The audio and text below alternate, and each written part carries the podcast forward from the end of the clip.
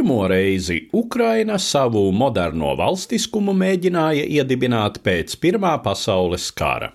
Kā zināms, šis mēģinājums izrādījās nesekmīgs, galvenokārt tādēļ, ka neviens no ietekmīgākajiem spēkiem, kuri cīnījās Krievijas pilsoņu karā, nebija gatavs atteikties no šīs Krievijai ļoti nozīmīgās teritorijas.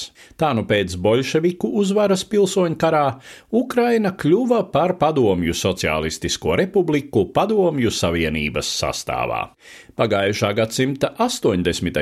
gados, kad Padomju impērija sāka ļodzīties, Baltijas valstu tautas kustības jau drīz uzņēma noteiktu kursu uz de jure pastāvošā valstiskuma faktisko atjaunošanu. Ukrainā, kur arī izveidojās sava tautas kustība jeb ruhs, šis process bija gausāks un nenoteiktāks. Par neatkarību stingri iestājās ļaudis Rietumu-Ukrainā, kas starp karu periodā bija atradusies ārpus Padomju Savienības, Polijas, Rumānijas un Čehoslovākijas sastāvā. Bet jo tālāk uz valsts austrumiem, jo vairāk bija to, kuriem palikšana kopvalstī ar Krieviju šķita pareizāks ceļš. Tiesa Padomju Savienības prestižu Ukrainas iedzīvotāju acīs pamatīgi iedragāja 1986. gada katastrofa Černobiļas atomelektrostacijā uz ziemeļiem no Kijevas, arī atklātības politikas rezultātā uzzinātie fakti par baiso Golodomora traģēdiju, staļiniskā režīma mākslīgi izraisīto bādu Ukrainā 30. gadu sākumā, Tomēr šķiet, ka izšķirošā nozīme bija tieši 1991. gada augusta puča mēģinājumam, pēc kura arī daļa Ukrainas kompartijas un saimnieciskās elites mainīja savu attieksmi pret iespējamo palikšanu Padomju Savienības sastāvā.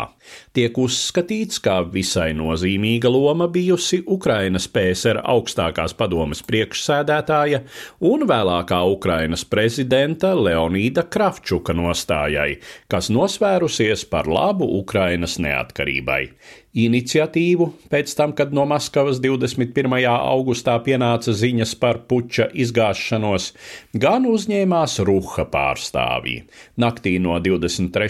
uz 24. augustu agrākie padomju disidenti Ļevko Lukjaņenko, Mihailo Horins un Vjačeslavs Černovils, kā arī jurists Serhijs Holovātijs un ekonomists Ivans Zajets sastādīja Ukrainas neatkarības pasludināšanas akta tekstu.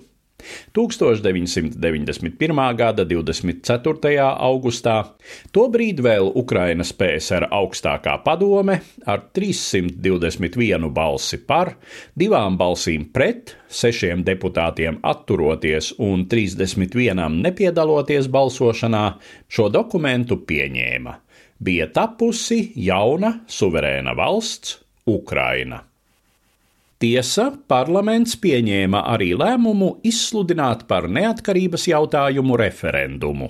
Tas bija loģiski, cik tālu tā paša gada 17. martā sarīkotajā Vissavienības referendumā par Padomju Savienības saglabāšanu vairāk nekā 70% balsotāju Ukrainā, vismaz pēc oficiāliem datiem, bija izteikušies par labu Padomju Savienības saglabāšanai, gan ar noteikumu, ka Ukraina tajā paliktu tikai uz 1990. gadā pieņemtās suverenitātes deklarācijas pamata.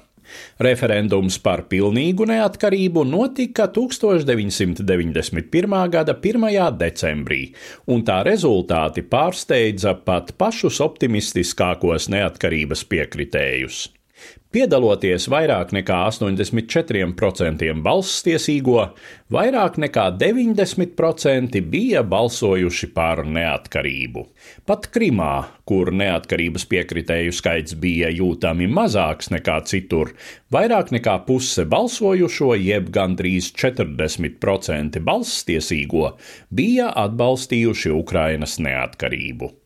Referendumam tūdaļ sekoja Ukrainas neatkarības starptautiskā atzīšana.